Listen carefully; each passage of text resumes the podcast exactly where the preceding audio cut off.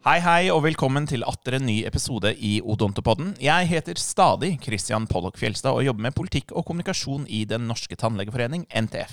Og med meg som gjest har jeg selvfølgelig Camilla Hansen Steinum, president i Den norske tannlegeforeningen. Hei, hei, hei! Hallo, Kristian. Har du det bra? Jeg har det veldig bra. Så bra. Vi er på landsmøte dag to. Holder du stimen? Uh, ja, Uh, vi er jo inne i landsmøtebobla, som jeg kaller det. Eh, og det er veldig gøy, veldig, veldig morsomt og litt uh, slitsomt. Uh, men det har vært en fantastisk landsmøte så langt, med åpningen i går og med fagprogram og sosiale arrangement i går og fagdebatt i dag. Og, nei, det har vært fantastisk. Sett mange kjente og kjære som Ja. vi ikke har sett på en stund, faktisk. Ja, det har vært veldig, veldig hyggelig. Ikke sant. Men vi har ingen tid å miste. Det er mye som skal fortsatt sies og gjøres på denne konferansen, så vi får bare komme i gang med Odontopodden. Så dagens gjest og dagens tema det grønne helsevesenet. Og da er det bare å ønske velkommen til Emily McLean. God dag, god dag. Du er så meget som en doktorgradsstipendiat ved Bergen senter for etikk og prioritering ved Universitetet i Bergen, her i herlige Bergen hvor vi er. Og så er du engasjert i prosjekt Grønt helsevesen, som nylig lans lanserte rapporten Grønn omstilling i helsesektoren. God dag, god dag. Tusen takk. God dag til dere også. Veldig kjekt å få være her, da. Så bra! Mm. Så flott. Du så jo alle menneskene som gikk rundt i gangene her, Ja. så her er det mye opplegg som skjer. Helt utrolig. Ikke sant? Veldig veldig gøy å se, og gøy at dere har lyst til å snakke om eh, grønt helsevesen på I- landsmøtet. Ikke sant. Og med oss på dette her har vi også da Kirsten Alsen, tannlege og fagsjef i NTFs sekretariat. Velkommen. Takk. Så bra at vi da alle kan ha litt eh, faglig input og lære litt av dere, som har begge jobbet med dere to i hvert fall. Dere har jo jobbet med dette her. Så, men Emily, begynner med deg. Alle sektorer kan bli grønnere, også helsesektoren. Men hvordan er ståa i helsesektoren, og hva må gjøres? Ah, det er et stort spørsmål. Ikke sant? Vi kan jo begynne å snevre det inn på at man nå har blitt mer og mer bevisst på at helsesektoren også bidrar til CO2-utslipp. Og derfor, eh, med vår rapport, så har vi prøvd å kartlegge litt hva som gjøres av arbeid i helsevesenet for at den skal bli grønnere, da. Og man vet jo at helsesektoren slipper ut mer enn fly og shipping til sammen, så det er snakk om ganske store utslipp fra helsesektoren. Men dessverre så har vi ikke nok forskning rundt eh, hva vi kan gjøre, og hvordan, hvordan vi best burde løse dette problemet. Eh, så Derfor har vi skrevet en rapport med noen anbefalinger som vi tenker er viktig på veien videre for at helsevesenet skal bli grønnere. Da. Ja, fordi vi kan slutte å reise, men vi kan ikke slutte å ha helse. Så vi må på en måte Nei. forholde oss til det. Nei, og det mener jo vi, og helse er kjempeviktig. Men vi synes det er et paradoks da, at helsevesenet som skal redde liv og hjelpe at folk blir eh, friskere og sunnere, også bidrar til klimaendringene som vi vet har store konsekvenser for helsen vår. Ikke sant? Og derfor mener vi at det er så viktig. Ja, jeg synes at det var, altså, det var kanskje det mest overraskende for meg når jeg leste rapporten, at, eh, at eh, helsevesenet faktisk står for et, en så stor del da, Mm. av utslippene. Og så ser jeg jo at selvfølgelig i i-land, eller hva man skal kalle det, høyinntektsland, så er det jo selvfølgelig ekstra stort, det Ja. utslippet. Men jeg tror, veldig, jeg tror det er få som tenker på det. da. Ja. jeg tenker at Det er et veldig viktig perspektiv å bringe inn i den debatten. Mm. Ja, nei, det er vi helt enig i. Og jeg tror også det er veldig ukjent for folk flest. Altså I vår bransje vi tenker vel ikke på akkurat det. Nei, Nei. Jeg tror det er veldig viktig å, å sette fokus på det. Og det er jo veldig spennende det arbeidet dere gjør, det må jeg si. altså. Tusen takk.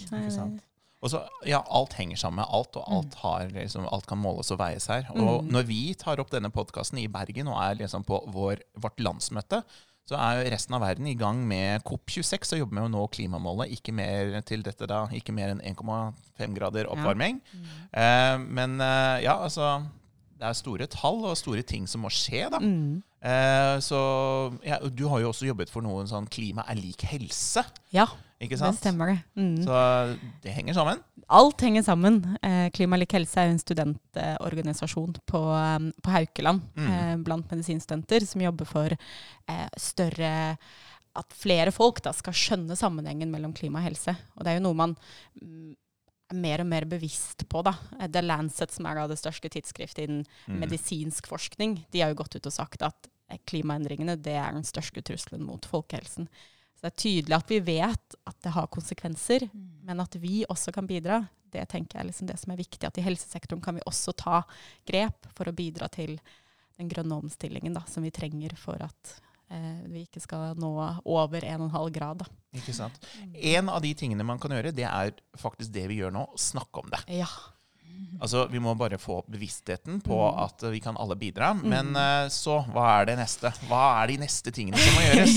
Altså I vår rapport så har vi kommet med fire anbefalinger da, som vi tenker er eh, gode steg videre. Og Det første er jo å kartlegge utslippene godt. Vi har ikke en nasjonal kartlegging av utslippene i norsk helsesektor. Det er gjort noen kartlegginger i spesialisthelsetjenesten, men ikke primærhelsetjenesten, og heller ikke i tannhelsetjenesten. Da. Mm. Så det tenker vi er liksom første steg, å faktisk vite hvor store utslippene er. Mm. Og fra det så kan man begynne å lage tydelige mål eh, og klimabudsjett, som det heter, om hvor, hvor man skal kutte, hvor det er best å kutte, hvor det er mest lønnsomt og lettest å kutte. Og det er ganske mange ting man kan gjøre raskt og enkelt. Mm. som egentlig Low-hanging ikke- fruits. Low-hanging fruits. Det er masse av de. Mm. Og det tror jeg vi drar jo frem Sunnaas sykehus som et eksempel, som har greid å kutte 50% i sine utslipp mellom 2013 og 2019. Eh, uten at det har kostet eh, masse penger. Eh, Mm. Det er liksom alt Nei, de har kanskje til og med spart. Ja. Altså, for at det, Ja. Man vet hva man gjør på Mm. energi nå. Ja, akkurat det. Og våre to siste eh, anbefalinger er jo at man burde etablere et nasjonalt kunnskapssenter for eh, forskning, videre forskning på hvordan vi skal omstille helsesektoren. Mm. Eh, det tenker vi er, er, er veldig viktig også, da. Mm. Eh, og at man får liksom engasjementet opp Mm. blant helsepersonell. Eh, blant alle vi som jobber i helsesektoren. For det er jo utrolig mange som jobber i helsesektoren. Ja, ikke sant? Og der Mm. er jo tannlegene. Kirsten, hva skal vi gjøre? Nei, jeg tror det er mye vi kan gjøre. Altså, for det første, som vi har snakket om, det er viktig å få kunnskap om dette og sette Mm. søkelys på det. For jeg tror jo at det er veldig mange i vår sektor som tenker at nei, det er så vanskelig og det er, det er så Mm. diffus, så, så vi, Mm. vi kan ikke liksom bidra. Men altså, vi, har jo, vi er jo veldig utstyrsintensive og Mm. har jo masse vi, vi kan jo faktisk gjøre ganske mange ting. Og så kan vi begynne å sette krav til leverandører, f.eks. Mm. Det er jo i dentalbransjen Vi kjøper jo masse ting hele tiden. Mm. Både engangsprodukter og mer større ting. Mm. Men hvis vi begynner å, å sette krav til de vi kjøper fra Mm. altså Det tenker jeg er veldig enkelt å gjøre, og det, det koster ingenting. Mm. Og Samtidig så er det jo med på å bevisstgjøre både oss og ikke minst det, dentalbransjen. Mm. Mm. Så det tenker jeg er, er veldig viktig. Og så er det jo alle de små tingene man kan gjøre selv. da. Mm. Men vi Eh. er kanskje, altså tannleger er jo en ressursintensiv behandling. Altså energi og vann, ikke minst, som går med i behandlingen. Og vi er jo helt avhengig av det. Mm. Så, Mm. så det er klart at veldig mange tenker kanskje nei, jeg kan ikke gjøre noe. Fordi Mm. at jeg, jeg, må jo gjøre det jeg gjør i dag. Men, Mm. men jeg tror jo at vi må begynne å tenke på hva vi kan gjøre. Og det å stille krav er i hvert fall Mm. helt enkelt. Mm. Og så er det jo viktig å følge det opp, da. I Mm. forhold til de innkjøpene man gjør. Mm. For tannhelsebransjen kjøper mye Mm. for ganske mange penger. Og mye Mm. av det kommer jo fra Asia, f.eks. Mm. Så er det, så jeg tenker det er veldig interessant det med Du sier kunnskap, da, for det er jo, går jo litt på alt det som vi snakker om i fremtidens tannhelsetjeneste. Hvordan skal vi organisere og finansiere og sånn. Så handler det også om kunnskap. Sant? Mm. Altså, vi, må, vi, vi må vite mer. Ja. Eh, og så tenker jeg at noe av det handler også om det med tidlig innsats og forebygging. Mm. Jo mer sykdom vi forebygger, jo mindre behandling blir det, jo mindre ressurser bruker vi. Mm. Så her er det liksom, hvis man liksom løfter blikket litt, så er det de store linjene. Sant? Og Mm. da er det plutselig veldig mye man kan gjøre. Mm. Eh, så, jeg, så, så dette er jo sånn eh, det, Den eh, utfordringen vi ofte har, er at vi tenker liksom så veldig sektordelt. Mm. Og liksom tenker bare på én ting av gangen. Men her Mm. må vi løfte blikket og så må vi se liksom på hele helsetjenesten. Mm. Og da tenker jeg at vi har ganske mye vi kan bidra med. Ja. Men vi Ja, begynner absolutt. med oss selv først, før vi begynner med andre, i hvert fall. Jo, jo, selvfølgelig. Jo, men jeg tenker akkurat dette med forebygging i tannhelsetjenesten. er altså, vi, Mm. vi er jo veldig, eh, tradisjonelt vært veldig gode på det. Mm. Og det er som, som Mm. Kirsten sier, at vi bruker mye utstyr, og Mm. mye, og mye engangsutstyr også. Mm. Så øh, sånn, jo mindre behandling vi gjør, jo, jo, bedre vil jo det klimaregnskapet se ut. Mm. Så, så det er kjempeviktig. Og vi, vi trenger også mer kunnskap i tannhelsetjenesten Mm. eh, på dette området, selvfølgelig. Mm. Det, det har jo eh, vært et eh, grønt punkt i arbeidsprogrammet i inneværende periode. Og det Mm. er vel sannsynligvis et grønt punkt eh, i det neste arbeidsprogrammet. Så vi som organisasjon har jo også et fokus på Så da er det snakk om hvordan vi klarer å best operasjonalisere og komme ut til medlemmene da, med det vi Mm. ønsker å oppnå. Vi har jo to, det er jo to ting. Sant? Det ene er jo det som Kirsten sier, at vi, at vi i arbeidsprogrammet sier til medlemmene at vi skal sant, gjøre medlemmene mer oppmerksomme på bærekraftig drift. Mm. eh, Og sette krav til, til, til leverandørene. Men så er det jo også vi som organisasjon. da, Mm. eh, Hvordan vi kan gå foran som et godt eksempel og Mm. drive bærekraftig. Og vi har jo, Det handler jo om digitalisering, sant? mindre reiseaktivitet. Mm. Alt dette som er sånn enkle grep, da, som også bidrar i det store, store bildet. da. Ja, Mm. absolutt. Hvordan har responsen vært etter at dere lanserte rapporten nå, da? Vi syns det har veldig, vært veldig god respons. og Veldig Ja. mange som syns dette er spennende og er interessert og lurer på hva de kan gjøre. Da. Eh, så jeg tror det viser at, at det er Folk har lyst til å gjøre noe. da. Alle har lyst til å bidra i eh, klimakampen. Mm. Eh, og at man kan bidra der man jobber, det tror jeg for mange er egentlig noe som motiverer. Men vi må finne ut Mm. akkurat hvordan vi kan bidra. da. Og Derfor trenger vi disse nasjonale klimaregnskapene. Vi trenger å vite hvor utslippene kommer fra, for å vite hvor vi skal begynne å jobbe. Og du holder jo på med doktorgrad omtrentlig i dette her, så Ja, eh, i hvert fall min kollega Annen og jeg holder på med doktorgrad eh, om dette her, om hvordan vi skal balansere de tingene vi, vi skal gjøre. da. Mot selvfølgelig at vi skal levere gode helsetjenester. mm. Og det er viktig å poengtere at eh, man skal ikke gå på akkord med, med gode helsetjenester, men det er mye man kan gjøre, og kanskje levere enda bedre helsetjenester med Mm. de Mm. eh, kuttene man gjør. Men opplever dere at, at myndighetene på en måte gjør noe, altså politikerne er de interessert i dette? For det har jo vært noe av det som vi har vært opptatt av. Da. Mm. Vi har jo hatt dialog med Helsedirektoratet, som jo er vår Mm. faginstans.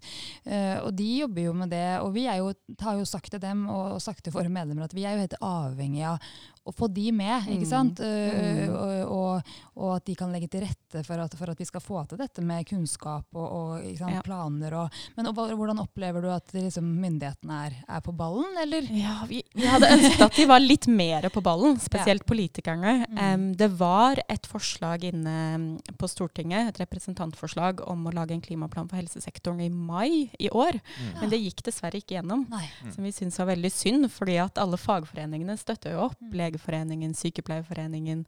Um, sånn at vi håper jo at det blir mer politisk engasjement rundt dette. da. Mm. Jeg tror at man trenger politikerne på sin side. Man trenger nasjonale retningslinjer som, som gjør at det er lettere å følge og vite hva man skal gjøre. Da. Ja. Ja. Så vi håper jo at de skal ta, ta enda litt mer ansvar rundt dette. Da. Mm. Mm.